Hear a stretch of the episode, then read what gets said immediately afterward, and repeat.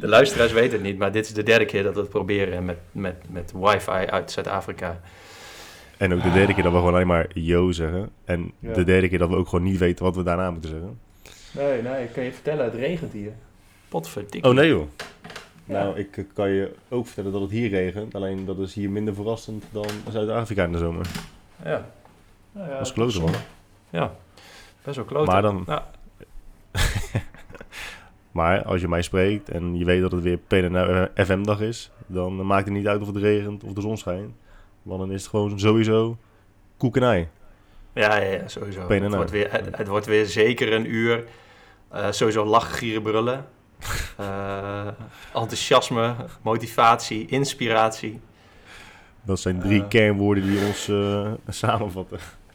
Het zou toch fantastisch zijn als er ooit een awardshow is waarin wij de meest inspirerende podcast award krijgen. En dat we op zo'n podium moeten staan met onze peenhuizen gezicht.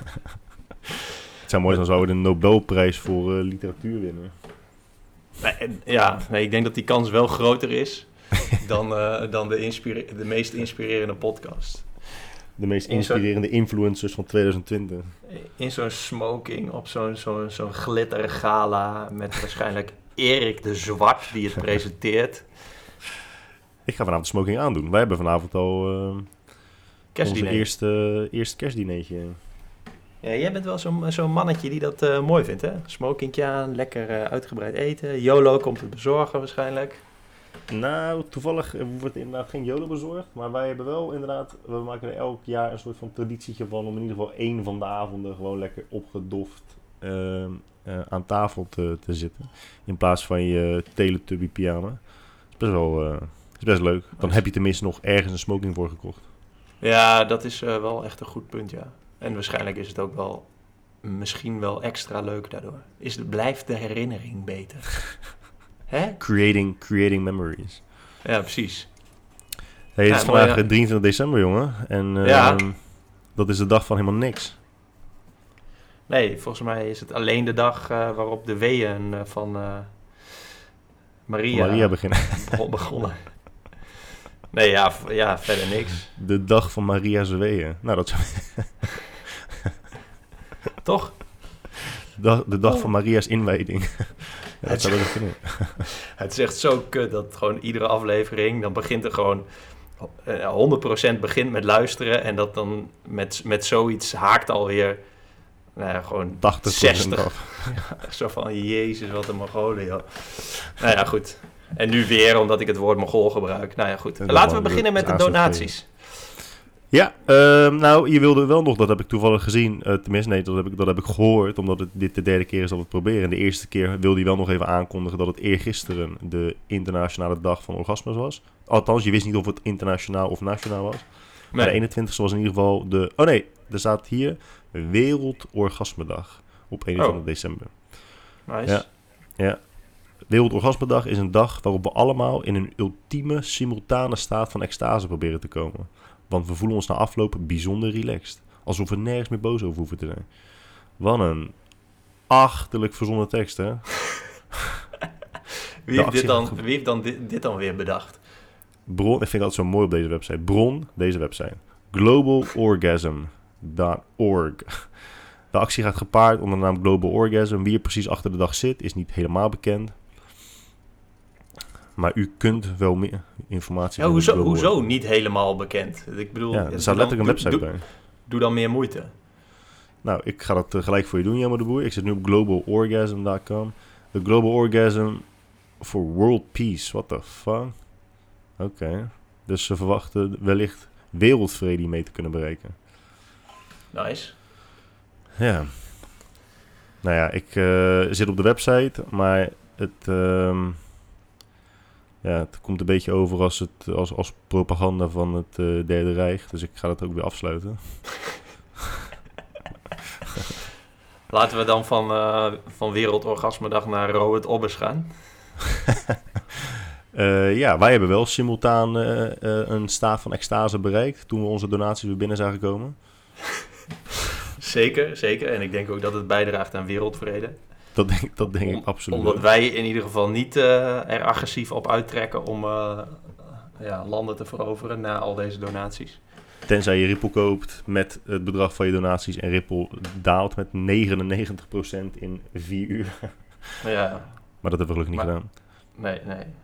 Wij zitten in op eh, Bitcoin. bij Bitcoin. Robert Ja. Obbers, hij, hij, dat is wel de, de zoveelste donatie eh, die hij heeft eh, geschonken aan ons, toch? Ja, ja het is wel eens een, een mooie baas. Ik vind altijd is mooi dat, dat bij donaties... Je hebt altijd zo'n hele serieuze voorletters eh, achternaam bij je bank, toch?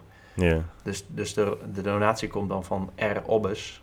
ja. Ik vind, ik vind dat grappig, zeg maar. Dat, dat bij je bank dat het allemaal zo serieus is. En ik vind het altijd heel grappig als er een, klink, of een medeklinker voorletter is. En een ach- achternaam begint met een klinker. Dan, is Dan het gewoon Robbers. ja. Het mooie is dat je eh, normaliter zou je, zeggen, zou je gezegd hebben... ik weet niet of ik dit al eerder heb gezegd. Eh, en dan vaak is het iets nieuws. Alleen dit zeg je wel echt elke podcast. Alleen nu heb je het niet aangekondigd met een... ik weet niet of ik dit al eerder heb gezegd. Maar eh, ja, dat is wel gewoon prima dat je dat, dat je dat weer doet... in het kader van uniformiteit. Wat? Die naam. Die naam, ja. Dat, je, Oh. vanaf, dat je vanaf de bank altijd zo, eh, zo formeel vindt klinken. Maar dat is gewoon prima. Weet je, dat, dat maakt jou jou. Dat is, eh, dat is typisch Jammer de Boer. ja, dat is echt classic Jelmer. Echt zo classic. mooi. Herkenbaar, herkenbaar ook. Maar goed, wat was de vraag? Nee, hij had niet echt een vraag. Dat is meer een, eh, een suggestie. Zo van, eh, kunnen we het over de, de stress en risico's van het ondernemerschap hebben? Ja, wil jij aftrappen? Ehm, ja, is goed. Ik denk dat, eh, dat de hoeveelheid stress en risico's precies evenredig zijn aan het plezier wat je er eventueel uit kan halen. Uit het zelfstandig ondernemen. En ik heb er niet heel veel ervaring mee, want ik ben gewoon een simpel ZZP'ertje. Ik heb geen personeel, ik heb geen bedrijven die ik opzet en vervolgens verkoop en zo. Maar eh, ja, dat is, dat is mijn, eh, mijn eerste take in dit geval. Ja, maar ik zou jezelf ook niet eh, daarin eh, tekort doen. Ik bedoel, volgens mij, als ik me niet vergis, heb jij eh, minstens één van je boeken zelf gepubliceerd. Nou, dat is toch best een, best een risico, toch? Want je zit toch wel met een voorraad waar je vanaf moet. Ja, Ehm, Klopt. Dus ja, dat, dat, dat zijn wel allemaal, allemaal dingen waarmee je bewust de, de risico's verhoogt voor jezelf. ja en ja, het mooie is dus natuurlijk dat je er invloed hebt, zelf invloed op de uitkomst hebt. En dus dat, is, dat geeft natuurlijk een, eh, een gevoel van autonomie. En wat, ja, dat vind ik dus heel fijn.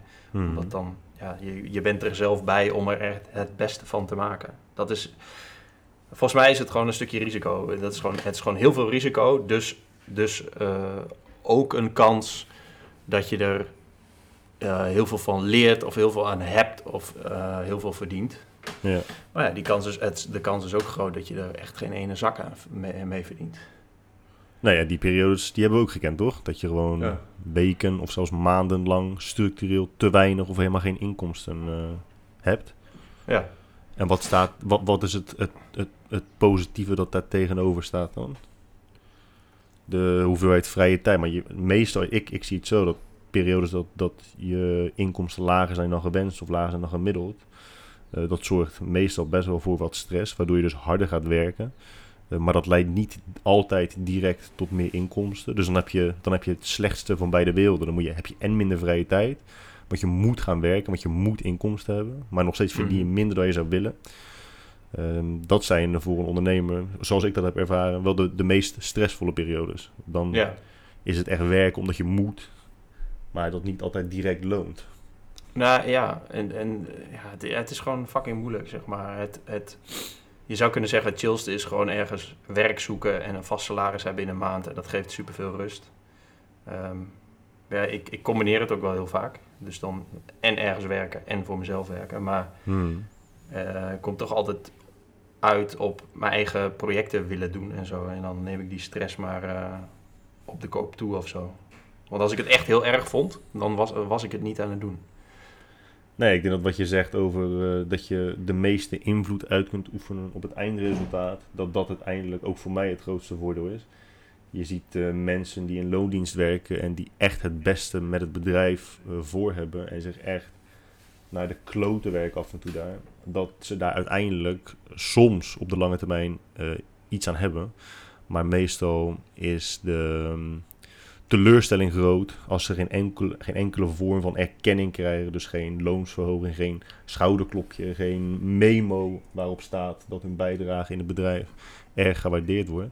Voor mij is er Ja. een keer een onderzoek geweest dat, eh, dat de meeste werknemers vinden dat, ehm, dat ze te weinig worden bedankt door de werkgever. Ik weet ook niet Ja. of dat iets is wat je moet verwachten, maar een soort van erkenning, een soort van stukje dankbaarheid is wel iets wat veel werknemers missen.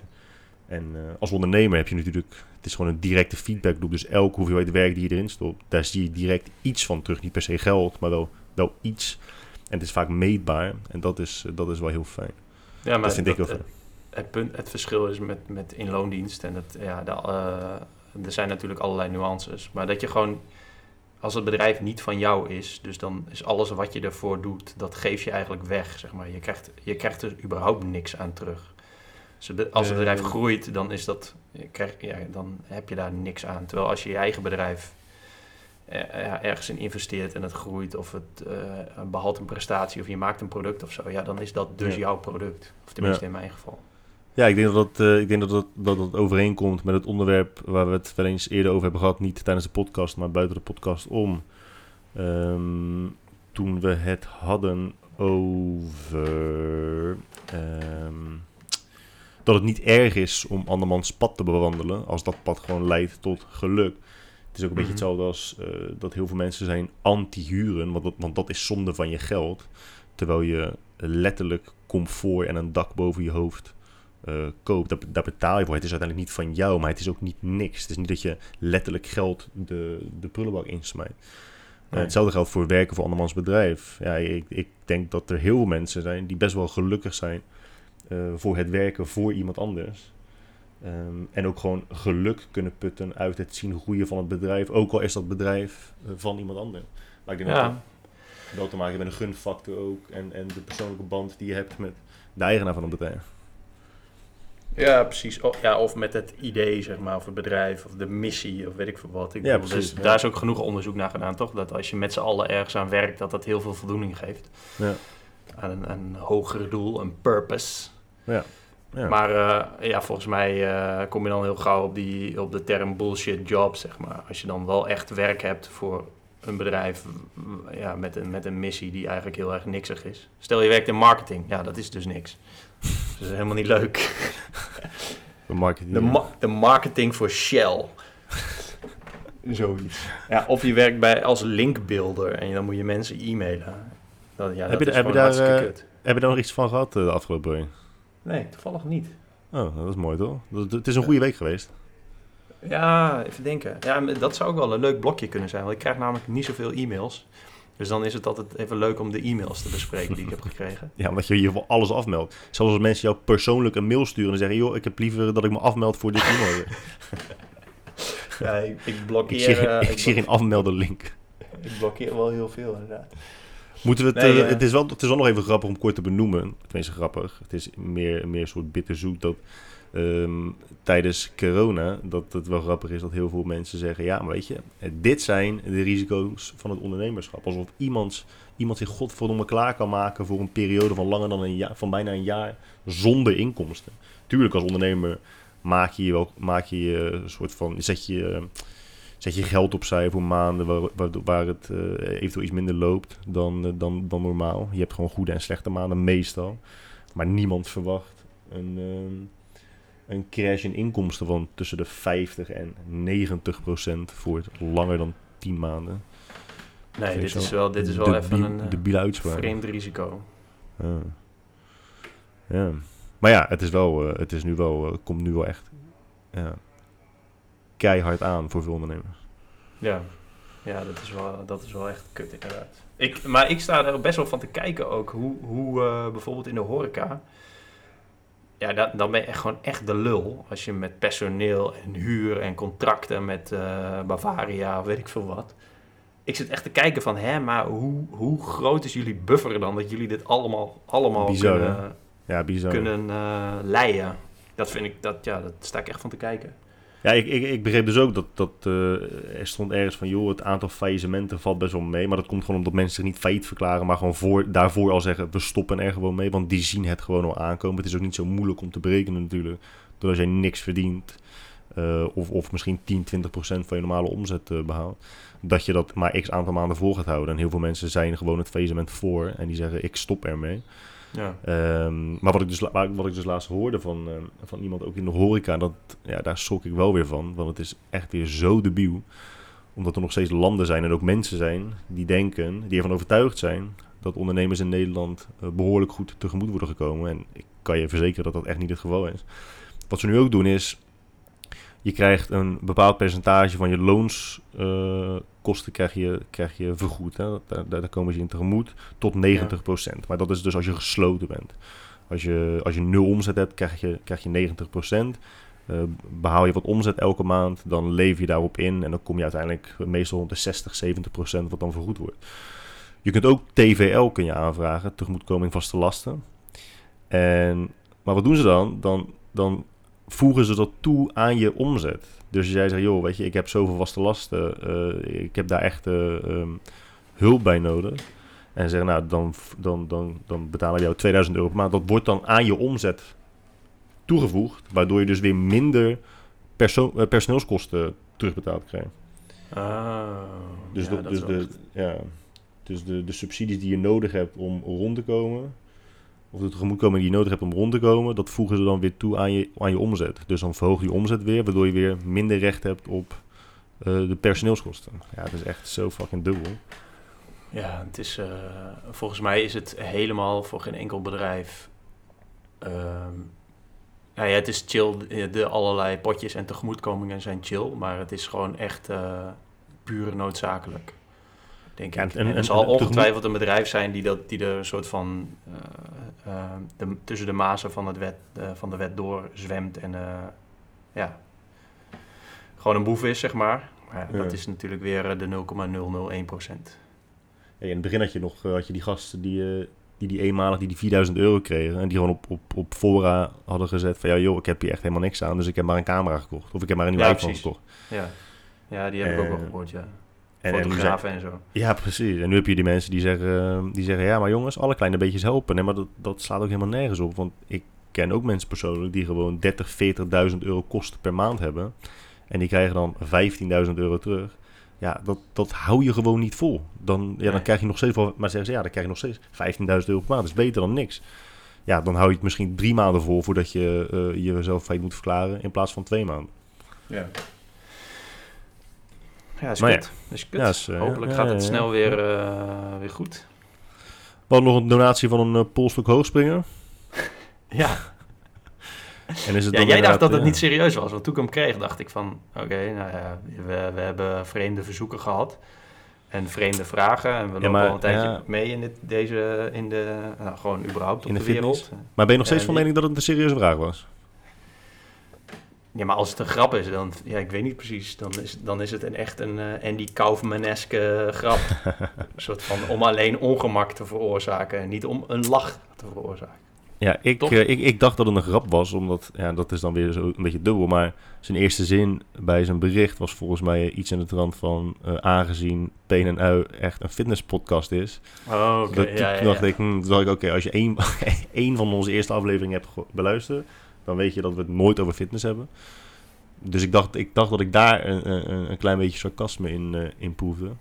Maar nu is het dus best wel kut als, als hij wel gewoon serieus was... en wij zijn vraag niet serieus nemen. Ja. Maar ja, goed, Dus- de vraag was... Welke oefeningen moet ik in de gym doen om, om mijn, mijn polstok hoogspring eh, prestaties te verbeteren? Ja, Oké. nou, ik ga het Ik denk de politiek, kettlebell eh, overhead press. Met één arm. ja. Nu, hoe werkt het eigenlijk? Je moet rennen, dat ding, eh, dat ding ergens in een bak steken en dan vlieg je En ergens een bak gewoon op de grond, hoor. Nee, dat komt wel in een soort van kuil, een soort emmer. Nee, man, een emmer. Nee, man, nooit Ja, een dude, emmer. jawel, polstok hoogspringers die pleuren zo'n stok in een, in een soort... Nooit in een emmer. Ik ga het gelijk opzoeken. Gozer, het is, het is heus niet op een grasveld dat je hem even in de grond steekt. Nee, nee, gewoon op grind. Nee, jongen. Polstok hoogspringen. Oh, wacht, misschien heb je wel gelijk, ja. Ja, ni- niks misschien. Misschien. ik, blijf, ik, blijf, ik blijf vooralsnog even bij misschien. Ja, ja, ja, en dan zie je straks een plaatje van die bak en dan zeg je, nou ja, misschien heb je wel gelijk. eh, Ja, ik zie alleen maar mensen in de lucht hangen. Ik zie nergens, eh, ik zie nergens waar ze het instoppen. polstok, Polstok, hoogspring. hoogspring. Ik zie dat ze tussen twee matten. Ik heb voor mijn gevoel...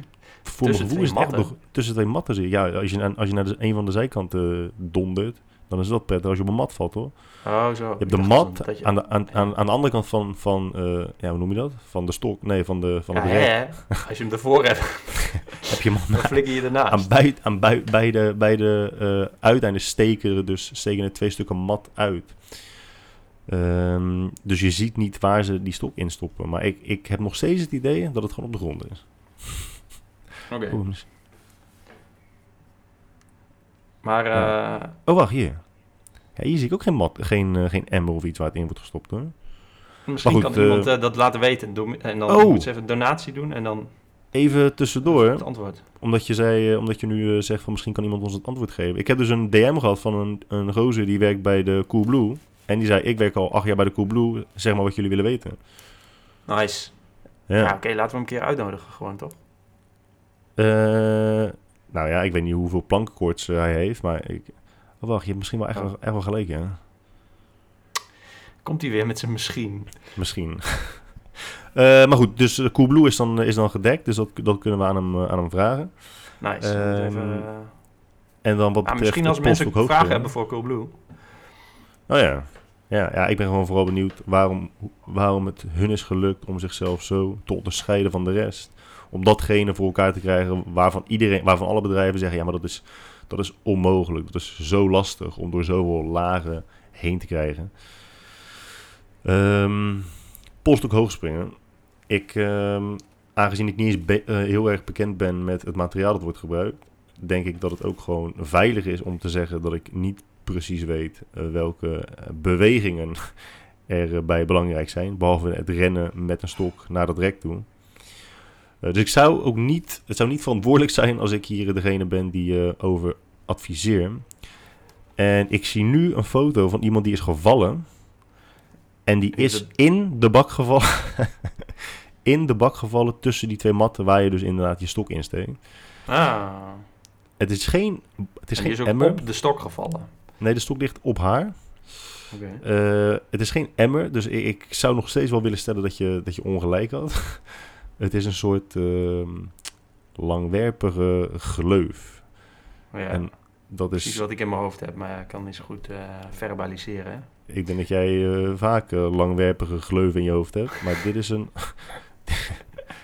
dit is toch echt Waar, anders. waar een stok in moet. Ja. waar een polstok hoogspringer in moet. Ja. Nee, maar nee, ik, ik zou dat echt niet kunnen zeggen, man. Ik zou dat echt niet kunnen zeggen. Je, je ziet heel veel, heel veel mensen die sportspecifieke prestaties willen verbeteren. Dat ze de beweging die ze bij de sport doen, neem bijvoorbeeld hockey in gedachten, of boksen. Dat ze dan gaan boksen met gewicht in hun handen. Of eh, het schieten met een, eh, met een bal, maar dan met een enkel gewichtje om. Ja, dat, dat is niet echt de manier om, om eh, sportprestaties te verbeteren. Het is meer dat je ehm, het, eh, de bewegingen ontleedt. Neem bijvoorbeeld ehm, explosiviteit of rompmotoriek, die bijvoorbeeld bij voetbal, weet je wel, springen, koppen, explosiviteit genereren met, met het rennen. Dat ontleed je allemaal en dat verbeter je echt per stuk. Het is niet dat je iemand een gewichtsvest, gewichtsvest aangeeft om vervolgens eh, te gaan voetballen. En dan denk je, ja, als je dit met gewicht op je rug kan, dan word je ook beter zonder gewicht. Dat is wel hoeveel beginnende trainers vaak nog eh, het sportspecifieke benaderen. Maar dat is niet, eh, niet de juiste manier. Maar polstok hoog springen, Dus hij moet, hij moet niet, niet met, een, met, een, met een loden buis, met een weighted vest proberen. Nou, het is grappig dat je het zegt, want ik heb het dus wel eens over eh, basketbal gehad met mensen. En ik weet niet of jij wel eens die aflevering hebt gezien met Joe Rogan en Neil deGrasse Tyson. Ik denk het wel.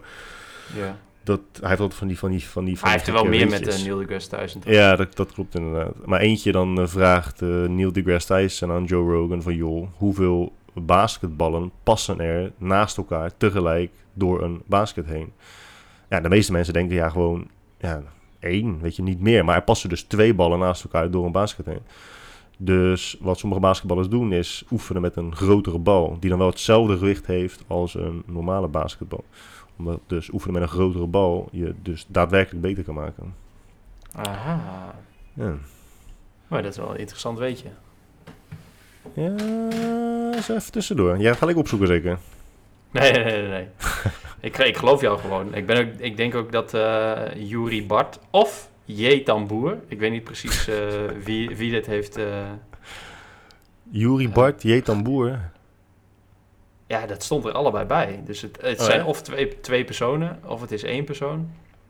Of het is weer de officiële naam en de artiest, artiestennaam is Yuri Bart.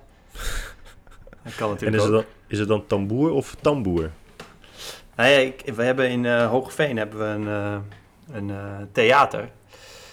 En dat is de tamboer. Of heel veel mensen in Hogeveen zeggen de tamboer. Maar ik Ja. weet niet of het tamboer of tamboer is. Ik zou tamboer zeggen. Jij zou tamboer zeggen. Ja, dat zou ik ook zeggen. Maar Ja. heel veel Hogeveen zeggen dus tamboer. Ik weet niet. Ja, oké. Maar ik weet niet of je, of je um, Hogeveen als referentie... Of is het Hogeveen? Zei ik weer Heerenveen? Nee, ik zei is het Oh. Hogeveen of Hogeveen? Oh. het is eh Hogeveen. Ja, dat denk ik ook wel, ja.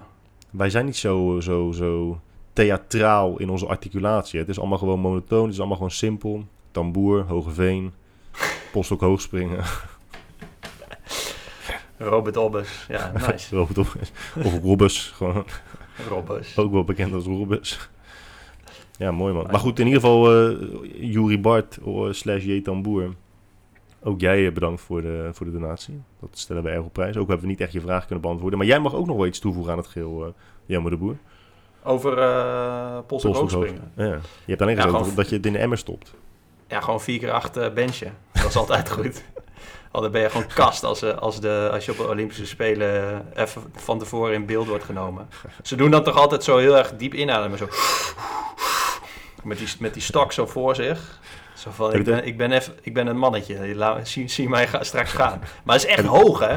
Het is echt echt 6 zo. meter of zo. Het is echt bizar. Het is echt gewoon eng. Het is echt heel eng. Moet je denken dat je zo'n gozer door je buurt ziet rennen... dat hij gewoon op een gebouw springt. Ja, zo in sloppenwijken gaat dat zo. En dan oefenen ze op straat. Dan springen ze over je huis heen. Ja, dat is heel goed voor de ontwikkeling van, uh, van uh, het polstok hoogspringen. Vind Ja, maar het zou toch mooi zijn- sport. In een parallel universum is er dus een aarde waarop, mensen, waarop kinderen niet uh, op straat voetballen, maar echt massaal polstok hoog springen. waar de, waar de Wiskundig politie ook... gezien is die kans inderdaad 100%. Ja, Eh, eh, eh, mooi man. ja, Nou, het uur is weer volgeluld. ja. Hoe ver zijn we eigenlijk? Nee, we hebben nog een heel, we hebben nog een heel draaiboek vol. Ja, hebben een flink Ehm, draaiboek. wat is- ja, even kijken hoor. Nee, ik wil, ik wil eigenlijk dit vertellen. Ik ben dus in Zuid-Afrika nog steeds. En eh eergisteren, misschien gisteren zelfs, was er dus in het nieuws dat vluchten uit Zuid-Afrika en ook uit het Verenigd Koninkrijk eh, werden eh, geweigerd.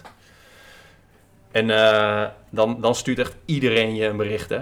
Een soort van, Ja. eh, yo, eh, je zit daar toch, eh, wat kut, heb je dit nieuws al gezien? Iedereen screenshots, linkjes, allemaal naar hetzelfde nos.nl. Nou ja, wat op zich best wel, best wel nice is. En ook wel van, van wildvreemden op Instagram tot aan mensen die je echt bijna nooit meer spreekt, maar die, dat, maar die dan toch weten dat je hier bent. En, ja, en zich zorgen maken of zo, of, of dat graag willen, willen vertellen. En dan is vandaag is alweer eh, het nieuws dat, je, dat die vluchten alweer gewoon kunnen als je zo'n negatieve testresultaat hebt. Wat je Ja. kunt laten zien bij binnenkomst in Nederland.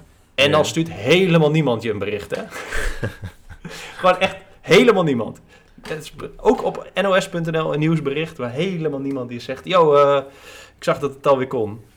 Ja, dat vind ik gewoon bijzonder. Ik vind het Nou, ik vind ik, ik denk dat ik 30 berichten heb gehad van, van mensen die bezorgd waren. En Letterlijk nul van mensen die zeiden, yo, het kan weer.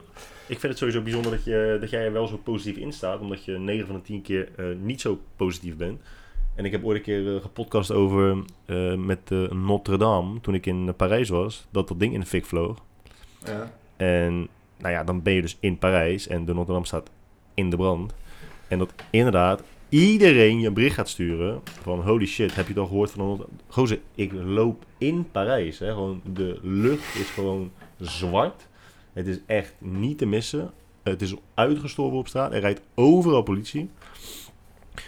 Ehm, dus ik, ik heb tijdens die podcast ook de vraag gesteld: ja, wat, wat, is, wat is precies de achterliggende gedachte van zo'n bericht eh, sturen? Waarbij, waarbij mijn eh, situatie wel nog meer voor de hand liggend was dat ik het tuurlijk had gezien. Eh, waarbij bij jou misschien iets minder voor de hand liggend is. Maar ik vind het inderdaad wel, ehm, ja, ik zet daar dan soms mijn vraagtekens bij. Van, zijn er dan echt mensen die zich echt zorgen maken om jou? Of willen ze gewoon graag de brenger, de brenger zijn van slecht nieuws? Of, ja, ik denk, dat, ik denk dat het gewoon een hele simpele, uh, primitieve reactie is. Gewoon een, een, een, connectie maken tussen, hey, Zuid-Afrika, hey, ik ken iemand die daar zit. Gewoon echt letterlijk dat. En dat dan gewoon doorsturen. Maar ja, en, en, en een beetje bezorgdheid of zo. Net zo, ja, dat is met jou mee in Notre Dame is het gewoon... Uh, hey Parijs, uh, oh ik ken iemand die in Parijs is. Dan ik stuur dat wel even. Maar ja, natu natuurlijk wist ik dit uh, dat nieuws al. En had ik, het al, had ik het al gelezen en had ik het, was ik het in de gaten aan het houden. En ehm, sterker nog, de alleen rechts twee vluchten, twee KLM-vluchten, dat zijn er enige vluchten die rechtstreeks van Nederland naar Zuid-Afrika gaan. Eentje naar Kaapstad, eentje naar Johannesburg. Die mochten niet meer, omdat het virus alleen maar rechtstreeks vliegt. Kennelijk. Want je kon nog wel gewoon via Istanbul, via Dubai, via Doha. Kun je gewoon allemaal nog. Kun je ook nu nog steeds terug. En dan hoef je ook niet zo'n certificaat te laten zien. Dus dat wist ik allemaal wel. En ik, ja, ik had me wel goed voorbereid. Uh, en uh, ja, ik weet gewoon meer van hoe luchtvaart werkt dan uh, de meeste mensen. Dus in Hmm. principe was het um, helemaal niks nieuws. Maar dat boeit niet. Want dat, maar stel, je, stel je voor, iemand is de eerste. Stel je voor, jij weet het niet. En je krijgt van een wild vreemde een bericht. En dan hoor je, voor, hoor je het voor het eerst. En dan moet je er ook eens van uitgaan dat het echt nog een hele negatieve impact zou hebben op, op jouw reis of op, op de komende weken. En dat je dat dan dat je dat dan te horen krijgt van een wild vreemde. Zou je dan ook reageren op die persoon van... Oh mijn god, holy shit, wat ben ik blij dat je het tegen me hebt gezegd. Maar fuck, dit is helemaal kut. En dan uitleggen waarom. En nu loop ik helemaal in de... In de, in, in de, in de dan nou? Nu loopt mijn planning nee. helemaal naar de kloten. Nee, ik uh, zou dan uh, zo, het sowieso direct in twijfel trekken of het klopt, zeg maar. Zo van, yo, thanks, ik ga het even uitzoeken. Nou, dat had ik dus met Polse springen. Maar je hebt het niet uitgezocht. Nee, ik weet het nog steeds. Ik zag alleen een vrouw die in zo'n gleuvel lag. Maar ja, um, um, ja want ik, ik ben benieuwd hoe het binnenkort uh, sowieso eruit gaat komen te zien. Met betrekking tot het reizen, dan wel niet, dan wel wel. Mag het wel, mag het niet. Ja, ik, ik, ik snap dus niet helemaal uh, um, waarom Nederland nu uh, zo stoer doet over ja, maar mensen kunnen er straks alleen nog maar in met een, met een negatief testresultaat. Denk ja, bro, echt ieder land had dat al in april. Echt. En nu ook Zuid-Afrika had dat ook. Dan moest je ook zo'n test doen in Nederland voor 140 euro. En dan heb je een certificaat dat je het op dat moment niet hebt. En dan moet binnen 72 uur moet je dan arriveren in Zuid-Afrika. Echt, ja, superveel landen hebben dat. Ja. Meer wel dan niet. En dan gaat Nederland nu, ja, we zijn in gesprek met de vervoerders om, dit, om te kijken hoe snel we dit kunnen regelen. Ja, ik vind dat dus heel grappig. Het is echt, het is echt vreemd dat dat nog lang niet gebeurd is. Maar nu inmiddels wel. Ja, PCR-test is niet de sneltest, hè, of wel? Nee, dit is nee, nee, zo'n... dat is van de normale. Dus ja, je, kunt nog steeds corona hebben, omdat je in de tussentijd natuurlijk besmet kan, kan zijn. Ja.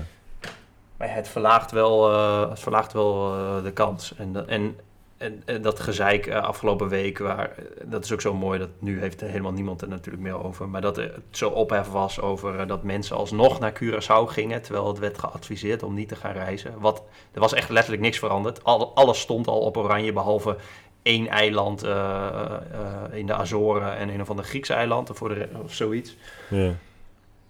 En dan nu, ja, super dikke rij op Schiphol, uh, super druk. Ja, bro, weet je hoe groot Schiphol is? Weet je hoe, hoe, hoezeer dit een momentopname is? Iedereen die naar Curaçao gaat, heeft een negatieve testuitslag. Dat is verplicht. Ja. Dat moet je laten zien bij het inchecken als je, als je daar staat. Die rij is zo, was met, met hoge waarschijnlijkheid zo veilig. Of tenminste... Mm. Ja, het is, maar, maar is zo... als je terugkomt heb je geen negatieve test nodig. Dat, dat vind ik nog steeds heel vreemd. Ja, nu dus inmiddels wel vanuit het Verenigd Koninkrijk en Zuid-Afrika, maar nog steeds alleen op directe vluchten. Dus als ik via Doha terug ga vliegen. Ja, zo. Oké. maar dan ook dus alleen vanuit die twee landen. Niet vanuit gewoon... Je, moet, je zou toch gewoon een negatieve test moeten kunnen laten zien vanuit waar dan ook ter wereld. Als jij Nederland binnenkomt, moet je... Lijkt mij überhaupt het slimst, zeg maar. Eh, Hmm. Maar goed, dan gaan we weer een half uur lullen over corona. Maar ja, dat is toch het. Ja, je doet toch allerlei maatregelen zodat je de, de kans heel erg verkleint. En ja, dan een van die dingen. Want dan is het gewoon, ja, als, dan, dat stomme gezeik op, op reizende mensen. Ja. Ehm, het is niet zo dat het niet mag. Het wordt gewoon. Ge, eh, er, ja, er moest. Er moest eh, zou wat zijn, hè, dat, dat de overheid zegt: je mag niet weg op donderen. Dat, is, dat, is wel echt, eh, dat zou echt erg zijn. Maar goed, daar hebben we het al over gehad. Eh, ja, en, en voor sommige landen is dat ook helemaal niet, helemaal niet vreemd. Ik bedoel, wij zijn nu gewoon gewend aan, eh, aan open grenzen. En gewoon maar de vrijheid om te vliegen en te gaan en te staan praktisch waar je wil. Maar er zijn Mhm. natuurlijk landen of mensen die, dat, eh, die die luxe niet hebben. En wij, wij, wij beschouwen dat al als vanzelfsprekendheid en niet eens meer als, niet, niet eens meer als luxe. Nee. Het zou me niet verbazen hoor, als je op een gegeven moment inderdaad gewoon een, eh, een vaccinpaspoortje nodig hebt. Zoals eh, dat je je hond ook een paspoortje moet geven waarin gestempeld wordt dat hij eh, is onbewormd en weet ik wat allemaal. Ja, dat is toch gewoon top. Ik, ja, ik, ik begrijp niet helemaal waarom. Maar, maar, dat, maar, dat is, maar, maar dat is het mooie. Is, dat, is, dat is dus de, de... Ze zeggen niet het is verboden om te reizen. Ze zeggen alleen het is verboden om te reizen als je je niet laat vaccineren. Mhm. Dus eh, natuurlijk indirect forceren ze je daarmee om te vaccineren. Maar ook niet helemaal. Want ja, als, jij, ja, als je wil reizen, dan moet je laten vaccineren. Je kan, je, kan met, je kan meestal in het leven niet altijd alles hebben. Je moet ergens op inleveren. En ja, in dit geval zou dat dan zijn op eh, jouw eh, gebrek aan bereidheid om ge- gevaccineerd te worden. Ja. Want hoe zit dat nu met, met die gemuteerde? Ik wil het inderdaad ook niet heel veel over corona hebben hoor. Maar hoor je in Zuid-Afrika al iets over die gemuteerde variant van corona? Ja, het, eh, het schijnt ergens in, eh, aan de andere kant van Zuid-Afrika eh, begonnen te zijn. In een of andere cluster van een of ander eindexamenfeest of zo. Ja, dat heeft zich wel verspreid. En eh, ehm, ja, dit, is- het is best wel ernstig hier, aangezien de cases weer hoog oplopen. En de, Oh ja? de zieke, ziekenhuizen het ja, nog wel aankunnen, maar dat is wel echt lastig. Dus eh, ja, als ik een krant zie liggen, zeg maar, in de supermarkt, dan, dan, lees, dan lees ik het wel eventjes. Dan, eh, ja, dat soort dingen staan erin. Maar goed, het voordeel is wel dat het... eh, ja, het is gewoon zomer, dus je kunt buiten, buiten zijn en veel afstand houden. Ehm, dat is wel nice. En de regels zijn ook wel best wel stevig. Ja, is het als in dat je best wel beperkt bent in hoe je openbare plekken moet betreden? Want, het is wel open toch? Alleen dan eh, Ja, eh, streng eh, deurbeleid. volgens mij is alles open. Alleen eh, je moet dus, volgens mij heb ik dit de vorige keer al gezegd, maar je moet overal eh, mondkapje op. Ja, En dat heeft ook iedereen, dus dat is fijn. En eh, overal staat desinfectiespray eh, bij, eh, bij de ingang van bijvoorbeeld een winkel. Maar ja, aan de andere kant, in restaurants hoef je je mondkapje dan niet op. En dat is, is het soms ook best wel druk in restaurants. Dus dat is wel, dat is wel eh, vreemd, zeg maar. Ja, Maar ja. eh, al- alcoholverkoop eh, kan nu niet in het weekend en niet na zes uur. Dus dat soort dingen hebben ze ook. Omdat Zuid-Afrika is volgens mij het land met de meeste drunk drivers.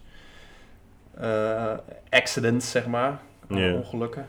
Dus eh, het zit nogal in de cultuur of zo. Om lekker te gaan zuipen, schreeuwen, vechten. elkaar neersteken, dronken rijden. en zo. ja. Leuk, Ja. maar het is, wel een leuk land. Nou ja, de, re- de, de reden dat zei de Airbnb-host, die zei van ja, ehm, dat de alcoholverkoop wordt dus in het weekend opgeschort, omdat eh, er in het weekend dus door dronken mensen veel vechtpartijen zijn en, eh, Hmm. en dus en steekpartijen en zo. En die mensen belanden dus vaak in het ziekenhuis, of die belanden eh, bijna altijd in het ziekenhuis. Ja. En dat kan het ziekenhuis op dit moment dus niet aan. En dat is de reden waarom ze geen alcohol meer verkopen. Dus dan, dan, dan kan je maar beter hopen dat als je neer wordt gestoken, je ook gelijk corona krijgt. Want dan word je wel nog geholpen. Ja, precies. Dus eh, ik heb, eh, ik heb zo'n ampul mee met corona erin. En dan eh, steek ik hem in mijn been. Ja, dat is, ik, ik las laatst, wanneer was het? eergisteren of zo, gisteren eergisteren las ik iets over een of andere, ik weet niet wie het was, voor mij was het een wiskundige of een econoom of ik weet niet meer precies wie, maar die schreef ook dat we zijn nu natuurlijk heel erg bezig met starten van vaccineren. En dan kijk je als eerste naar de risicogroepen, maar ook naar mensen uit de zorg. En hij stelde juist dat als je kijkt naar het feit, en dat is wel echt een feit, dat het merendeel van de mensen die aan corona overlijdt is ouder dan 70. Ehm, en die zorgen ook voor de meeste IC-opnames en überhaupt ziekenhuisopnames. Dat als je 70 of 80 procent van de 70-plussers zou uh, uh, vaccineren, en voor mij zijn daar anderhalf miljoen van in Nederland, dus als je daar 80 procent van neemt, nou, dat is dus minder, um, dat je daarmee al twee derde van de IC-opnames, van de IC-bedden weer, uh, weer vrijmaakt. En een heel groot deel van de ziekenhuisopnames ja. voorkomt. Een soort van 80-20 principe. Ja, dat klinkt wel logisch. En dat, ja, dat, is, dat is lijkt mij ook het verstandigste om te doen, toch? Die, sowieso die 80-20 uh, eh, ja.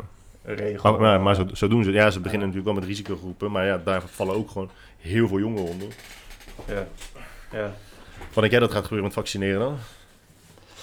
Ja, ik denk dat uh, er, er, komt dus een punt waarop de besmettingen, of dat er zoveel mensen gevaccineerd zijn dat die besmettingen gewoon niet meer zo exponentieel kunnen groeien en dus alles weer open gaat. Ja, dan denk ik dat negen maanden later echt een baby, dat er een babyboom is, man. Dat denk ik.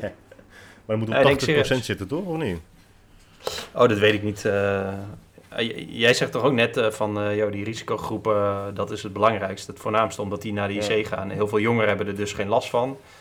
maar ja, goed, die kunnen dus wel mensen besmetten. Dus ja, dat ik weet niet precies. Uh... Dat is als, als je als uitgangspunt gebruikt dat je uh, de, de, belasting op de ziekenhuizen zo snel mogelijk wilt minimaliseren. Dan ga je uit van die 70-plussers. Maar als je gewoon uitgaat van het voorkomen van het verspreiden van het virus, dan moet volgens mij 70 tot 80 procent van de hele bevolking gevaccineerd zijn. Wil je dat bereiken? Want anders is het nog steeds kunnen.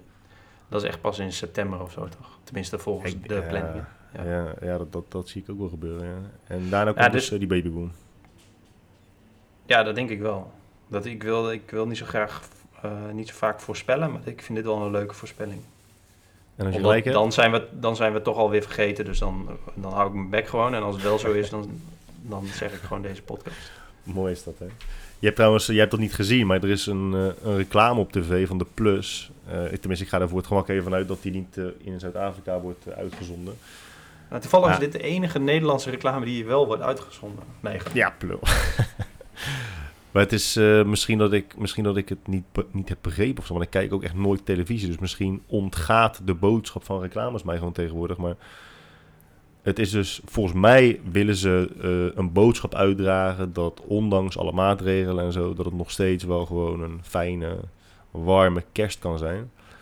En ja, een beetje zo een beetje dat, dat, dat, dat huiselijke Coca-Cola sfeertje hangt aan die reclame. Uh, en de hoofdrol is iemand die dan buschauffeur is. En die, uh, die wijst iemand bij uh, het toetreden van zijn bus in. Zegt hij van, joh, je moet je, je moet je mondkapje opdoen.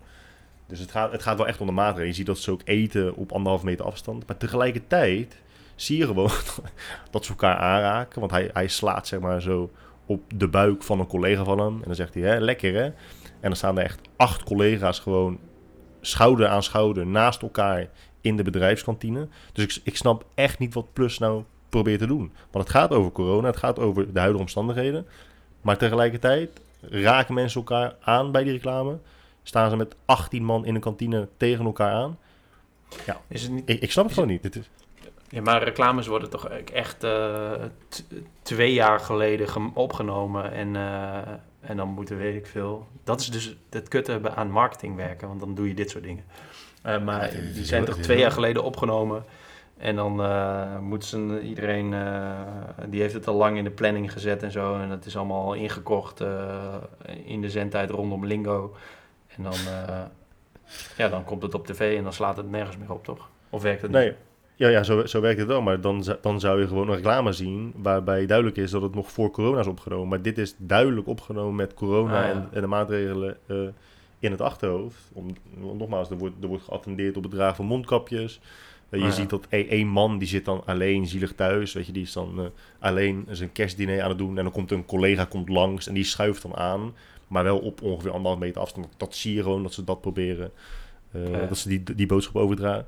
Maar aan het begin van de raken ze elkaar aan en werken ze met z'n allen gewoon in kantoor, zitten ze naast elkaar, slaat hij op, op die roze buik. Ja, dat is, dat, is, dat is een beetje de plank misslaan, man. Wat de reclame Ja. betreft. Ook een beetje smerig om aan andermans buik te zitten. Dat is best wel gooi, ja. Dat is best wel gooi. Ja. Maar bij collega's onderling is dat leuk, hè? Dat familiaire. Beetje die Ja, eh, voetbal, eh, voetbalkleedkamerhumor. Ja. Heb je ooit op voetbal gezeten? Ik heb eh, zeker op voetbal gezeten, Jan de Boer. Ik zat, in, ik zat bij de Mussen. De mussen in- ook echt.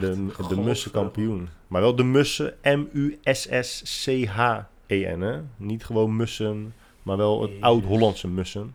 Ja, woonde jij in een van de eh chique buitenwijk of zo? Nee, ik woonde nooit in een chique buitenwijk. Ik Veel woonde in. Rotterdam-Zuid. Dat is echt gewoon het ghetto van, eh, van Nederland. Oh, ja. Eh, ja, ik woonde niet in eh Hogeveen. Nee, of in. Tamboer. Wat, zie je, ben ik, ben ik helemaal mijn verhaal. Oh ja, dus ik zat eerst in, in F3. En toen zat ik in E4. En, toen ben ik gesto- en toen ben ik gestopt met voetbal. Toen dacht ik, ik krijg allemaal maar de tyfus. Want ik ga niet op zaterdagochtend met mijn eh, goede gedrag hier op het veld staan. Met min 4. Wat een, wat een pestzooi was dat zeg. Vond ik echt verschrikkelijk. Toen ik En jong toen, was. al. toen werd je gamer, toch?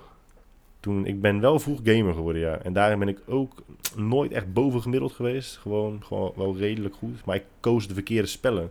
Vrienden van mij, ook Doan, die speelde dan eh Counter-Strike, Call of Ja, Duty. maar Dolan weet je kan alles. Ja, Doan kan alles, ja. Dat is heel irritant. Dat is heel irritant. Hij kan niet schrijven, dus laten we... Dat, dat, hij kan niet schrijven. Dus dat is... Dat is, Nee, dat is, dat maar is ja, daar is, ook nog nooit iemand eh, beter van geworden, toch? Weet je wat hij doet? Hij doet hij, hij- Doan schrijft een, die, die schrijft dan een, gebruikt een emoticon. Een, een emoticon schrijven kan je ook niet zeggen, maar hij gebruikt dan een emoticon. En dan Emoji daarna... je, man? Een emoji, sorry, een emoji. Ja. En dan na die emoji doet hij een punt. Dus aan het, Ja, dat kan eindigt een zin... Nee, dat kan niet, toch? Een emoji en daarna een punt. Ja, dat vind ik heel gek. Dat is echt... eh, Wat een loser, Ja. zeg. ja, dat vind ik heel Nee. Maar, eh, Maar ja, dus ik heb wel... hij, was dus wel professional gamer en eh, Nederlands kampioen deadliften. En ook, en ook judoka Nederlands kampioen. En nou, kan waarschijnlijk Ja, hij ook... was, ja, voor mij was hij wereldkampioen supergoed judo. koken. Fucking, ja, nou, koken kan die nou, ook niet zo. Hij kan eigenlijk best wel veel dingen niet. Ik denk dat Doan meer dingen niet kan dan wel, maar de dingen hij kan gewoon heel goed focussen. Ja, ja, hij is wel pro-gamer geweest inderdaad. Dex ook, vriend van mij, ook eh, Counter-Strike. Gesponsord en zo, weet je wel. Naar Korea, naar Japan geweest. Zat ik dan met mijn fucking, met mijn aftrekhanddoek op mijn bureau. Gewoon een beetje voor me uit te staan en niks bereiken. Maar welke Echt game deed jij dan? Patience. Ja, Patience. Mijnenvegen. ik was Nederlands kampioen mijnenvegen. Nee, ik, nice. eh, ik speelde Soldier of Fortune 2. Ehm, ja, daar, daar, ja, daar deden we wel mee aan, eh, aan kampioenschappen. Alleen dat, was niet, eh, dat waren geen eh lands zoals je ze bij Call of Duty en Counter-Strike had. Dus niet fysiek. Je had wel echt wereldkampioenschappen, Europese kampioenschappen. Maar iedereen speelde wel gewoon vanuit zijn eigen huis. En je verzamelde niet met z'n allen in zo'n grote stinkhal.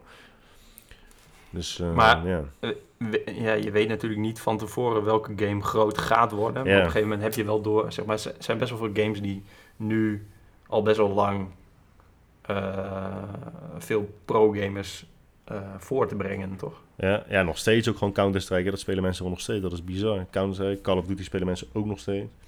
Dus daar had ik gewoon voor moeten gaan. Ik heb wel toen dingen geprobeerd te spelen nog. League of Legends. Als je, daar, daar, dat, dat produceert nu gewoon miljonairs.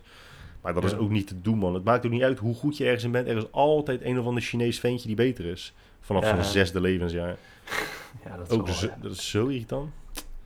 Behalve voetbal. Voetbal kunnen Chinezen niet. Wel voetbal Nee. ma- voetballen maken, maar niet voetballen. Dus sport.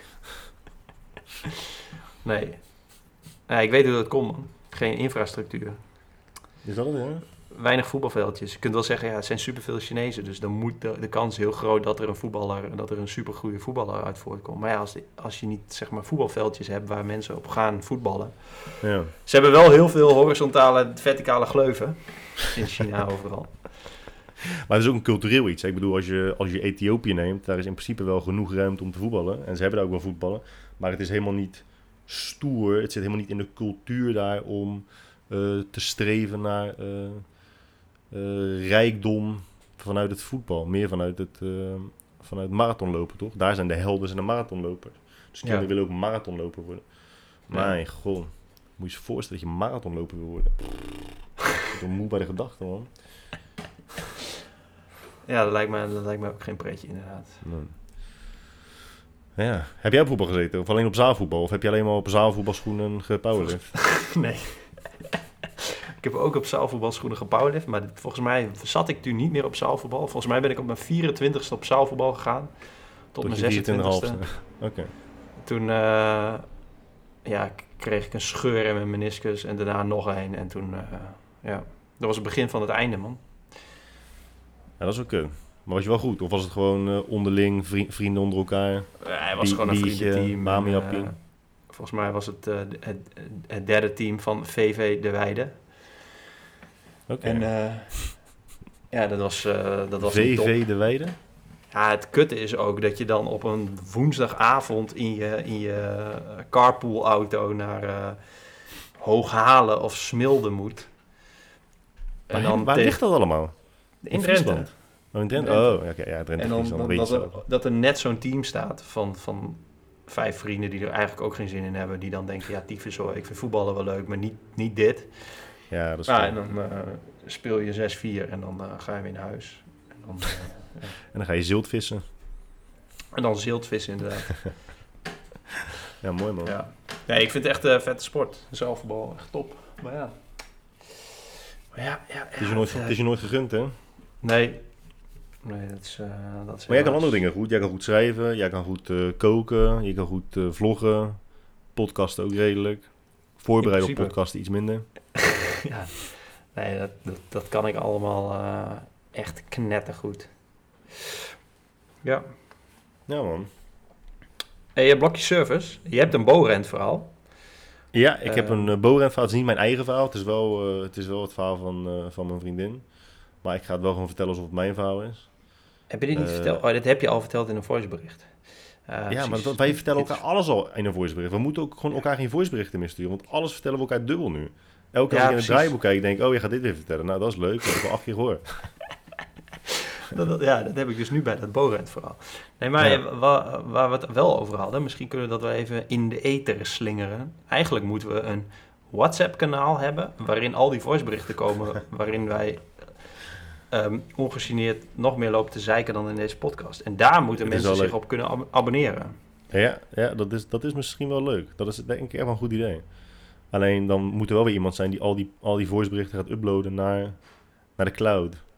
Ja, maar we kunnen toch, ik weet niet hoe dat werkt, maar je kunt toch twee moderators hebben die alleen kunnen, kunnen sturen. En dan is het gewoon, eh, wij, dan praten wij tegen elkaar en dan kunnen mensen dat ook luisteren. Het is, ja, maar dit, dit is weer zoiets waarvan ik dan heb van... Het, het zal toch niet zo zijn dat mensen dat dan interessant of leuk vinden, maar... Het zal Ja, ik ook wel weer dus- zo zijn dat mensen dat wel weer doen. Dat er een, eh, een heel groot eh, verhaal komt in de Volkskrant met een fotoshoot waarop wij met z'n tweeën op één stoel zitten. En dan, eh, dat wij dan een nieuwe vorm van podcasten hebben ontdekt en, en, en groot hebben gemaakt. Guy Droog. En dan tussen, zo tussen haakjes, 31 jaar. En Ik ben de 32, Boer. maar geeft niet. Twee internetvrienden. En weet je wat er dan gebeurt? Dan gaat, dan gaat Arie Boomsma een trainingsvideo opnemen met de stoel waar Guy en Jelmer tegelijkertijd op zitten. En gaan onbekende mensen jou dat bericht, die, dat interview sturen met je staat in de krant. Wist je, hey Guy, wist je al dat je in de krant stond? Dat heb ik wel eens gehad, hè, dat ik een Ja, interview had gegeven aan, de- weet ik veel, de Gracia of eh, de Elle. vroeger, Toen, ik Gracia. nog, toen ik nog bekend was. Je staat in de Gracia. Ja, dude. Is ze hebben niet toevallig die foto gemaakt van mij in een of andere pakje in een studio tegen een roze achtergrond. Mooi is dat, hè? Dat is wel mooi. Oh, oh. ja, dat heb je het al gezien? Wat? Het mooiste is eh, dat ik eh, van iedereen in de wereld altijd maar foto's en video's opgestuurd krijg van Shiba's. Gewoon nog steeds. Dat ik denk, ja, ik weet dat ik een Shiba heb. En ik weet dat Shiba's heel tof zijn. Daarom heb ik er ook een. En ondanks dat ik het ergens wel waardeer, is het niet per se nodig om mij elke foto en video van Shiba's op het internet door te sturen. Maar helaas eh, Ja. gebeurt dat wel. man. Gaat, gaat voor even gebeuren. De, de enige manier... Nou, het kan niet meer stoppen inderdaad. Maar je had gewoon nooit je hond moeten posten. Nee, had je gewoon, nee, nee. Dan, maar als je dat niet had gedaan, had je dus helemaal nooit... Berichtjes gehad van mensen. Nee, precies. Nee, Nee. dit soort berichten gehad. Nee. Ik krijg dus nu de laatste tijd, want eh, die, die meme bestaat al heel lang. Een of andere oude dude die een t-shirt aan heeft met introvert, but willing to discuss plans. Ja. Ja, die stuurt iedereen naar mij. Altijd, die heb ik al honderd keer gehad. En je blijft, hem, en je blijft hem altijd even niet grappig vinden, toch? Iedere keer zeg ik, ha, nice. Maar dit is wel een mooi bruggetje naar het Borent verhaal. Ja, vertel maar. We, moet- we moeten een service-gerelateerd blokje hebben. En daarna mag jij eh, vertellen over alles wat nog open is. Nee, ik vond, ik vond het mooi bij Borent. Bij Borent dan kun je dus... eh, eh, je kunt daar alles, alles huren. Volgens mij hun slogan. Hier kun je alles huren. Of nee, dat die andere. Nou, doet er niet toe. Ehm, dus mijn vriendin had een, een bus gehuurd. Om wat eh, zooi in te verhuizen. En dat had ze dus voor 24 uur gedaan. Eén, één dag een bus huren. En dan moet je hem terugbrengen op het moment dat zij gesloten zijn dan, dat vind ik ook al vreemd, want het maakt dan dus eigenlijk helemaal niet uit of die hier voor de deur staat of bij hun staat. Want ze zijn er toch niet, dus ze verhuren ook niks. Dus zeg dan gewoon, laat me gewoon voor je deur staan en breng hem maar gewoon de eerstvolgende dag op het moment dat wij ook weer aan het werk gaan. Maar is, is er niet een nieuwe klant die hem dan daarop zou kunnen halen en hem dan kan huren? Nee, want je gooit, eh, je gooit de sleutels door zo'n eh, door zo'n soort koker heen, weet je wel, die op Ah, ja, eh, ja, ja. wat je nu ook bij car rental eh, plekken hebt. Maar eh, dan wordt er wel nog aangegeven in dik gedrukte hoofdletters. Je bent zelf verantwoordelijk ehm, voor de auto, dus voor diefstal, schade, et cetera. Tot het moment dat wij de auto weer eh, in beslag nemen. En dat is op het moment dat wij weer op het werk zijn. Maar dat, maar dat is toch heel gek. Dus, dus dat wil je niet, want je wilt zelf eh, ervoor zorgen dat je de auto heel huids terugbrengt. Want anders kost dat je onnodig geld. Dus dan zeg je, nou weet je, dan laat ik hem wel voor, gewoon voor de deur staan. Want dan, dan is het veiliger. Veiliger dan bij jullie op een, op een gewoon een open terrein. Onbeveiligd open terrein. Maar dan zeg je, nou, nee dat mag niet, want je hebt maar voor 24 uur gehuurd. Maar, maar dat maakt toch niet uit, want je kunt hem toch niet verhuren, want jullie zijn dicht. Dus het is, het is echt lose-lose in dat geval. Maar eh, is er, want je kunt dat natuurlijk gewoon doen en dan vijf minuten voordat ze open gaan dat ding terugbrengen. Dat zou je in principe kunnen doen. Maar dan zou je weer net zien dat ze dat, ze dat dan toch weer... Ja, weet ik niet. Ja, dat zou, dat zou je misschien wel kunnen doen. Dan zeg je gewoon, je nee, hij stond er al. Nee, maar ik zie je net aankomen rijden. Nee, hij stond er al. Ja, dus jouw woord tegen het mijne. Ja, precies. Dat is dan misschien wel. Maar ja, het, maar het feit dat het op die manier moet gaan is ook gewoon irritant. Maar wat, wat heb je nu gedaan dan? Of wat heeft je ja, vriendin nu, gedaan? nu, nu hebben we dus die, die, die, dat, dat, dat busje teruggebracht op... eh, En een private investigator inge- ingehuurd die daar heeft gestaan de hele nacht. Ja, en een, en een, en een privébeveiliger ingehuurd voor 3200 euro per, per dag. Want hij was van de Mossad en die heeft daar een dag gestaan. Ja. Maar het was het geld Nice. Ja, dat is kut. Dat vind ik, ja, ik vind het gewoon vreemd. Dat is gewoon, dat is, vind ik gewoon vreemd. Het is niet... eh, ja, het is... Ja, ja wat, ze- waarom zouden ze dat doen? Ja, gewoon omdat het een makkelijke regel is. Maar hoezo ben je zelf verantwoordelijk voor? Ja, nee. Dat Ja, maar, dat klopt dus niet. Want je, je- want je zegt inderdaad, ja nee, want je hebt hem maar een dag. Dus na die dag heb je hem niet meer. Dus is, is hij eigenlijk niet meer van jou. Maar ondanks dat je huurperiode al voorbij is, ben je wel nog verantwoordelijk voor eventuele diefstal op het moment dat hij gestolen wordt, buiten de tijd dat jij hem eigenlijk nog huurt. Dat staat helemaal Ja. nergens op. Nee, dat is wel vreemd. Zeer vreemd. Borent. Ja. Ik hoop dat iemand bij Borent werkt en zichzelf schaamt. En ons een bericht stuurt met een donatie. Laten we het hopen. Oké, ik, ik, nu wil ik mijn service ding. Maar ik weet niet of het service is. Het is gewoon procesmanagement. Ik vond het wel een mooi verhaal. Maar Oké, dit heb ik al gehoord, dus ik ga nu even weg. Ja, ik heb dat Borent had ik ook al gehoord. Ik deed net alsof ik eh, heel geïnteresseerd... nee, sommige dingen wist ik nog niet. Ehm, dit is mijn serviceverhaal. Ik had me aangemeld eh, om eh, te gaan werken op een stembureau. Volgens mij is dat in maart. En dat kon op een algemene website van de Rijksoverheid. En dan moet je aangeven naam, eh, achternaam, telefoonnummer, e-mailadres en gemeente. En dan moet je gewoon de gemeente typen. En je kan niet kiezen, zeg maar. Hmm. Maar eh, gemeentes, die heten niet per se eh, altijd, weet ik veel, gemeente Amsterdam, gemeente Rotterdam. Ja, die dan misschien toevallig wel. Maar het kan ook best zijn dat het Zaan- en Vechtstreek heet of zoiets. Weet ik veel, zoiets. Gooi en Vechtstreek. En dan dat je dan in Bussum woont. Maar goed. Dus ik typte gewoon Amsterdam in de hoop dat de gemeente Amsterdam gewoon Amsterdam heet en niet Amsterdam Amstelland of Amsterdam eh, of, of gemeente Amstel. Maar goed, ik wist wel ongeveer dat dat de gemeente was. Kreeg ik een bericht terug, ja bedankt voor je aanmelding, maar eh, er zijn al genoeg aanmeldingen geweest. Dus eh, we hebben je niet nodig. Ehm, maar we sturen je gegevens wel door naar Amsterdam. Mochten ze dan jou toch nodig hebben, dan, dan eh, sturen ze je een bericht. Ehm, wat je wel kan doen, is eh, bij een andere gemeente werken op het stembureau. Wat je dan moet doen, is opnieuw hetzelfde formulier invullen. En dan een andere gemeente intypen. En, dan, eh, en hier is een linkje met alle gemeentes die al genoeg mensen hebben. Dus niet eens een linkje met gemeentes waar ze nog mensen zoeken. Nee, dit is het linkje van gemeentes die al genoeg mensen hebben. nou, als je het hebt over service. Terwijl Een soort jij van- nog uit de goedheid van je hart iets wilt gaan doen daar voor hun, hè? Ja, volgens mij, ja, of ik weet wel zeker dat het betaald is. Alleen ik dacht wel van, ja, ik wil, ik wil wel gewoon een keer een soort van eh, publieke, public service iets doen of zo. Lijkt me wel gewoon Ja. wel interessant om eens een keer zoiets eh, te doen.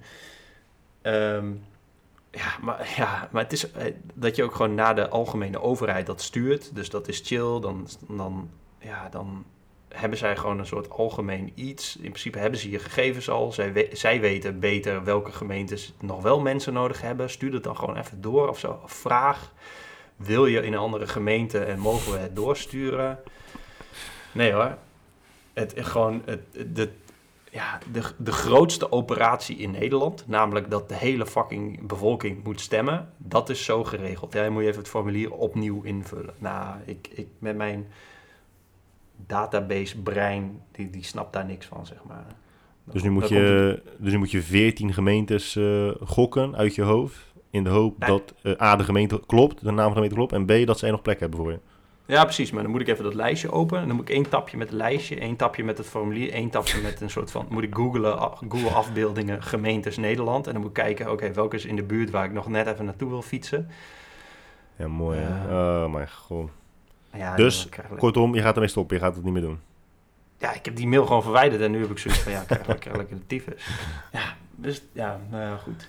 Dat is altijd Hey, het beste. Jan, je, je moet gewoon wat meer moeite doen. Ja. Ja.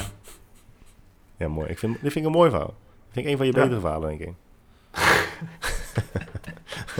Dankjewel.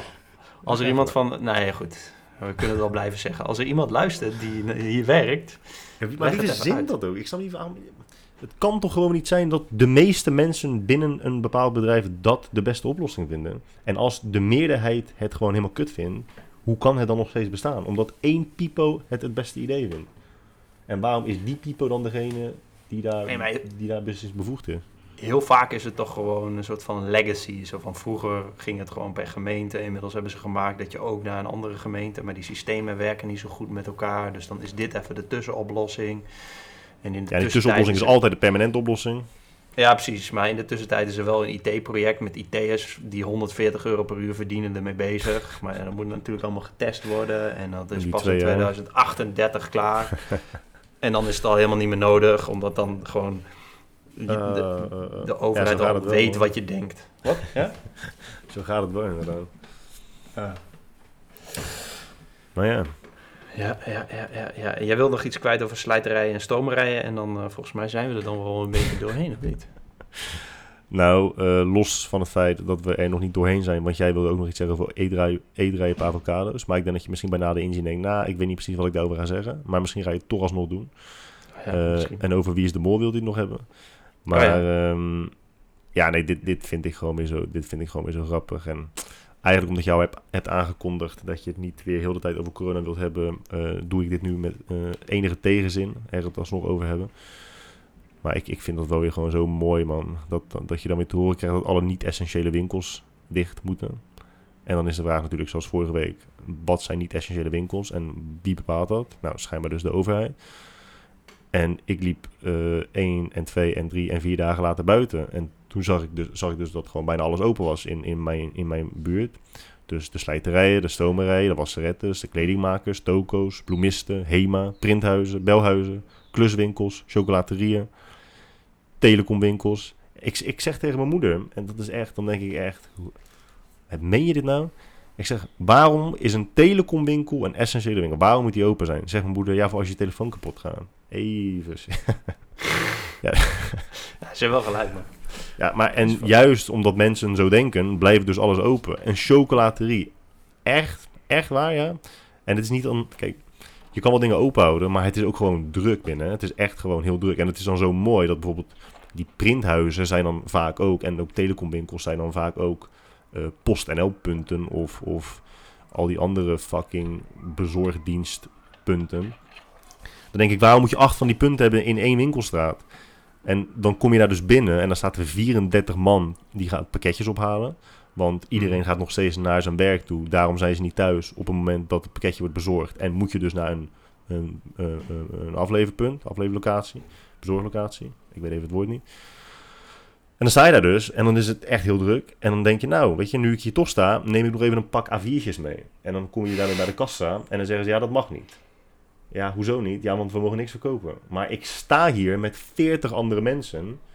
Waarom mag ik dan niet een pak A4'tjes mee? Ja, ja sorry, dat, dat mag niet. Ja, dat, even serieus. Dus je mag, je mag open zijn. Je, je hele fucking winkel is open. Er staan net zoveel achterlijke mensen zoals altijd. Waaronder ik. Met mijn pen en smoel. En dan mag ik dus niet iets kopen. Maar ik mag wel gewoon hier staan en blijven. Oh, dit, was, dit was ook jij. Die met die pak A4'tjes. Nou, ik wilde toevallig vandaag dingen kopen. Uh, uh, hoe heet het? Verzendkaarten. Hoe noem je die kaarten? Gewoon kaarten. Gewoon kaarten, weet je wel? Waar je, waar je mensen een, eh, een fijn uiteinde mee wenst. Uh, maar dat mocht ik dus niet kopen. Maar ik mocht daar wel een pakketje ophalen die we daar hadden liggen. Maar ik mocht ah, geen ja. kaarten kopen. Dat mocht niet. Dus mensen krijgen dit jaar geen kaart. Van Droog. Van Droog. En ja, ik, ik, vind dat gewoon raar, man. Ik vind dat zo, zo vreemd. Het is, weer zo, het is allemaal weer zo dubbel. Of je bent gewoon open, of je bent niet open. En als je open bent, er is een, een, een, een, eh, een kluswinkel hier in de straat. Dat is een, uh, hoe, heet, hoe, heet, hoe heet het andere, hoe heet die andere bezorgdienst nou? PostNL heb je, DHL. Nee, die andere. UPS. UPS is een UPS-punt. En hij heeft een kluswinkel. Dat is best een chille, chille winkel. En dan kom je daar dus binnen. En alles kun je gewoon pakken en aanraken. En er staan ook mensen in de rij. Maar dan zegt hij, ja nee, sorry man, je mag alleen maar hier je pakketje ophalen. Maar je, legt, je loopt, je bewandelt letterlijk dezelfde route. Je staat even lang in de winkel. Alles is exact hetzelfde. Alleen je mag hier dus alleen maar iets ophalen. En niet uh, iets afrekenen. Bij dezelfde kassa waar je dus je pakketje op moet halen. Ja, guys, ze moeten ergens de grens trekken. Zo is het gewoon de grens die moet je al trekken door gewoon, je moet gewoon, als je zegt je bent gewoon dicht, dan ben je gewoon dicht. Het is nu, alle niet-essentiële winkels zijn dicht, behalve, en dan volgt een lijst van 32 zaken. Ze hebben nu wel ja, iets over bloemisten gezegd, toch? Dat bloemisten mogen niet meer de bloemen in, um, achter de ramen tentoonstellen, zodat mensen gewoon aan kunnen wijzen en kunnen zeggen, ja, ik wil dat en dat en dat. Dat hebben heel veel bloemisten gedaan. ja, dat is mooi. Oh. Ja, maar ik, ja, als je er gewoon nog even een stapje terugneemt, zeg maar, dat het gewoon zo grappig is dat er... Ja, eigenlijk is er niks essentieels. Als je gewoon uh, een, twee weken lang alleen naar de Albert Heijn mag, dan is het ook gewoon prima, zeg maar. Toch? Ja, maar nu, nu, is nu, ben je, nu behoor je al tot de essentiële winkels als, jij dus, uh, als je dus eten en drinken verkoopt. Ondanks dat er een Albert Heijn 13 meter verder zit. Maar stel, ja. je, stel je voor dat je toevallig, heel toevallig, uh, kokosmelk uit fucking Maleisië wilt hebben, nou, dan kan je dus ook nog naar de toko. Voor het geval dat je echt niet zonder kan. Ja, precies. Ja. Nou, ik ben blij dat ik er niet ben, man. Ja. Ik wil toch, al, ik wil toch over avocado's. dat, dat vermoed had ik al, ja. Omdat zeg maar ook hier, hier groeien avocado's gewoon langs de weg, bij wijze van spreken. Hier, hier vreten ze echt gewoon, gewoon in Nederland is het erg, maar hier vreten ze echt overal avocado's bij. Ik hou helemaal niet van avocado's, man. Ik vind dat zo'n smaakloos iets. Ja, het smaakt gewoon naar groen. Goed verhaal, uh, Guy. maar dat komt, uh, Guy, omdat jij eetrijpe avocado's koopt. En die zijn, ja, het, het is ja, de, saai, de saaiste mening die er ook maar is. En dat is al honderd jaar zo, maar ik snap het gewoon nog steeds niet. Waarom zijn die tyfus dingen in die verpakkingen waarop staat Eat me, I'm ripe niet rijp. Gewoon. Ja, het smaakt gewoon. Het sma ik moest eraan denken, want ik vind dat het naar uh, hoe het in een bloemist ruikt. Zo smaakt een niet, niet eetrijpe avocado. Gewoon Alle avocado's smaken naar de geur van een bloemist. Nee, ja, alleen. Met zout en peper. Kei, die keiharde. Ja, maar smaakt ja, een zachte naar dan? Ja, dat die, is die, gewoon nog een beetje. Die heeft die gewoon, gewoon iets lekker. Zo weinig smaak. Nee, dat smaakt echt. Ja, nee, het is niet vol. Ja, het is vol omdat het heel je, heel je bek vol zit ermee. Omdat een avocado hartstikke groot is.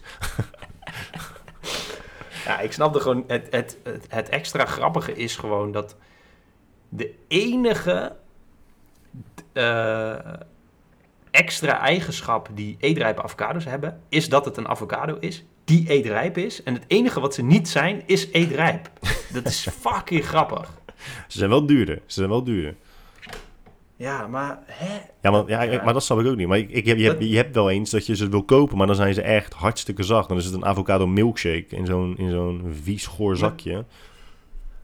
Maar dan liggen ze stel, echt te je, lang. je, koopt, je koopt een pizza en er staat op deze pizza is bereid en warm. En het is gewoon een, een, een, een diepvriespizza. Ja, dat kan... Ja, dus, hè? Nou, daar begrijp ik Ja. echt niks van. Maar dat het- nog steeds zo is. Ik snap heus wel dat ze... Die avocados moeten ze natuurlijk soort van inpakken op het moment dat ze nog niet echt rijp zijn. En dan gaan ze er een beetje een soort van schatting op maken wanneer ze in de winkel liggen en gekocht worden om eindrijp te zijn. Maar ja, goed, dan, dan, dan werkt, dan is je product klopt dan gewoon niet. Nee, maar Dan heb ik vind gewoon- dat, dus passen bij het, bij het geheel van de avocado. Want een avocado klopt sowieso niet. Want dan zeggen mensen, ja, ik vind avocado heel lekker met citroen en peper en zout. En dan proef je het en dan denk ik, ja, smaakt naar citroen, peper en zout. Avocado was gewoon overbodig.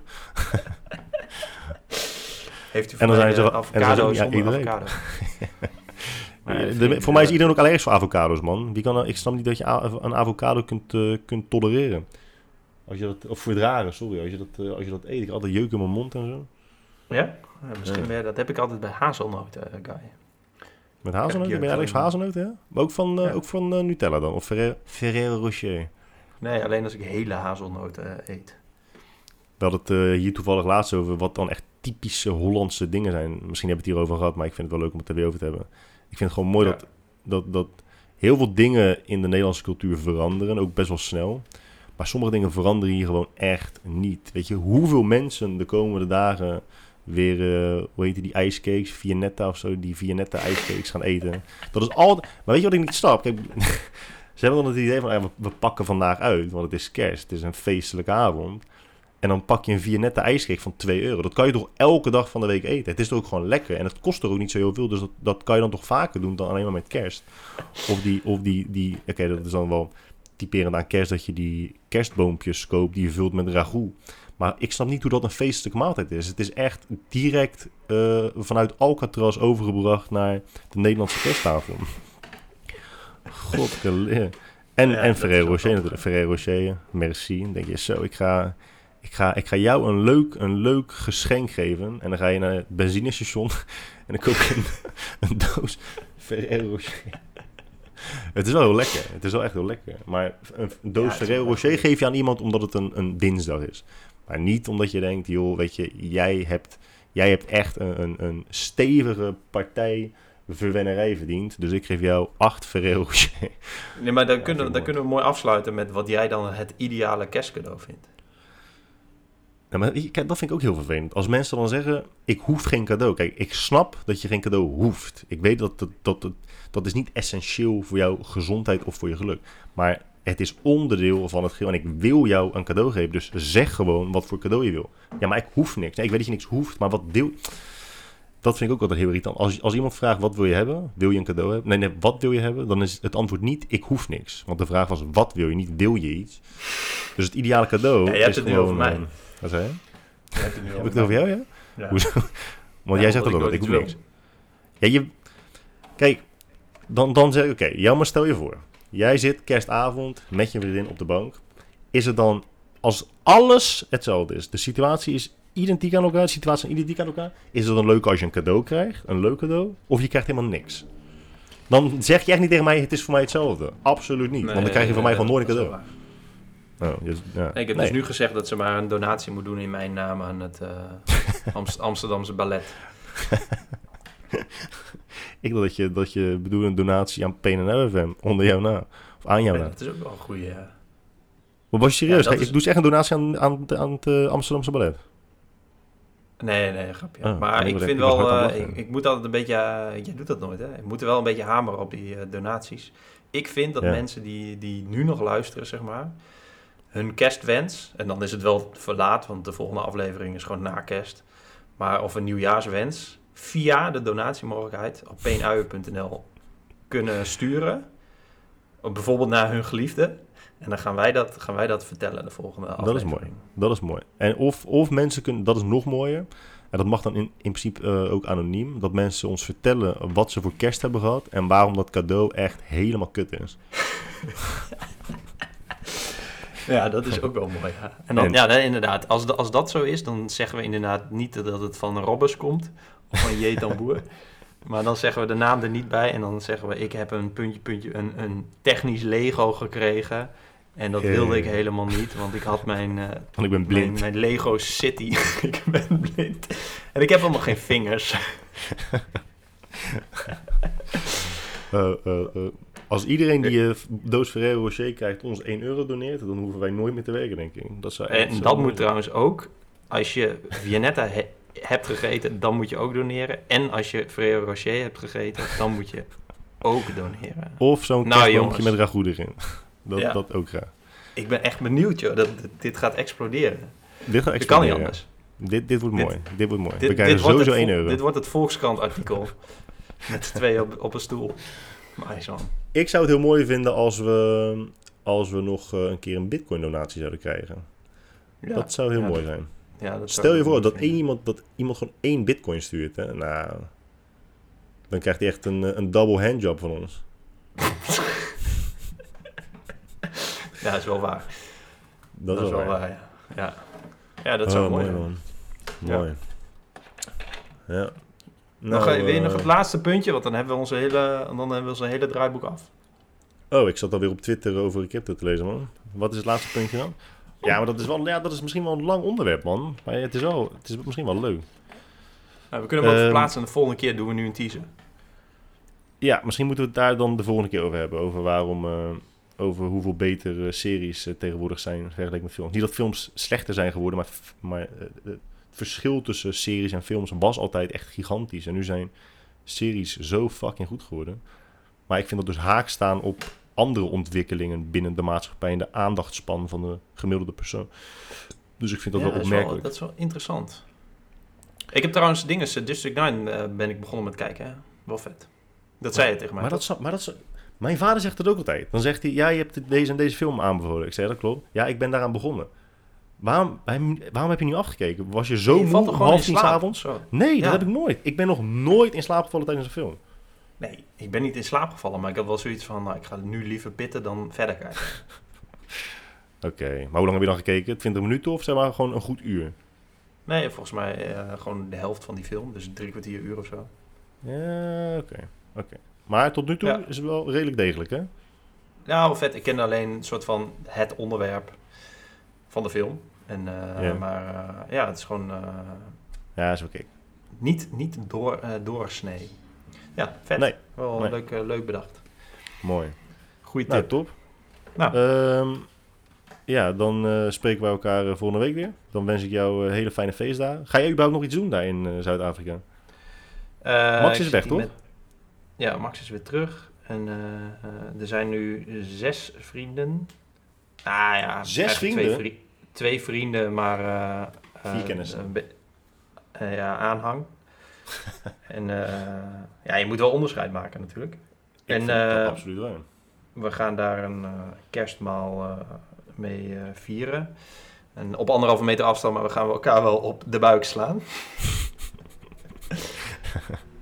Om, eh, want ja, dat was Logisch. op tv, dus dan kan het. En eh, ja, dat gaan wij, ja, wij, eh, ze vieren natuurlijk niet tweede kerstdag. Want dat is niks. Ja, dat is echt iets Eh, Amerika's, toch? Ah, iets eh, Nederlands. Iets Amerika's. Holy fuck. Holy fuck. titel van de podcast. Iets Nice. Amerika's. Geen hamkaas, maar Amerika's. Heksenkaas. Godverdomme. Hè. Ja, mooi. Ehm, dus Ja. ja, we gaan eh, Nou, eten en de volgende dag weer eten, denk ik. En volgens het mij bijna gaan we anderhalf uur lang volgehouden. Bergen beklimmen, die line set. Weer? Oh mijn god, daar, heb je, daar ben je toch al 23.000 keer op geweest? Ja, maar je moet ieder jaar even doen, toch? Want dat is leuk. Het is gewoon... Maar je, eh, maar, je, maar je doet nooit die lange, hè, die ik toen ook heb gedaan. Die, die hele lange hike van fucking 17 uur. Jawel man, die heb ik laatst gedaan. Die deed ik Echt? 3,5 uur over. Ja. Hoe heet die ook weer? Skeleton, eh, Skeleton Stel- Jungle of zo? Skeleton Gorge. Skeleton Gorge, ja. En- Wel echt gruwelijk. En wat het? Kast, eh, Kasteelspoort of zoiets? Maar dan ben je in dat Ja. bos ben je dan begonnen, toch? Nee, de andere kant. Camps Bay begonnen en eh, terug naar het bos. Ja, dat was mooi. Ja, je kijkt mijn vlog niet, hè. het stond, stond gewoon op mijn vlog. Oh. Maar jij maakt elke dag een vlog, Roos. Ik kan toch niet elke dag naar je video's kijken? Nee, je hoeft ook niet. maar Ik kijk niet eens naar mezelf elke dag in de spiegel. Hij heet Berg. Wat? Heidberg. Ja, je doet, ik zal dat. Je doet één, elke keer één woord. Dat vind ik wel leuk. Ja. Ja. Ja. Ja, ja. Ik ga hem kijken, hè. Hoe lang duurt die? Vijf Ja. minuten. Maar zit er een beetje humor in? Of is het altijd weer dat droge, saaie, die droge, saaie, onbehapbare stof? Ik denk wel dat er humor in zit, ja. Ja. Oké, ik ga het kijken. Ja. Ik ga het zo meteen gelijk kijken, hè. Oké, nou top. Mooi. Mensen bedankt voor het luisteren. Guy, eh, tot de volgende keer. Ik wens jou heel veel plezier vanavond in je smoking. Dankjewel, jongen. Dankjewel. Spreken En, elkaar. eh, yo. Yo.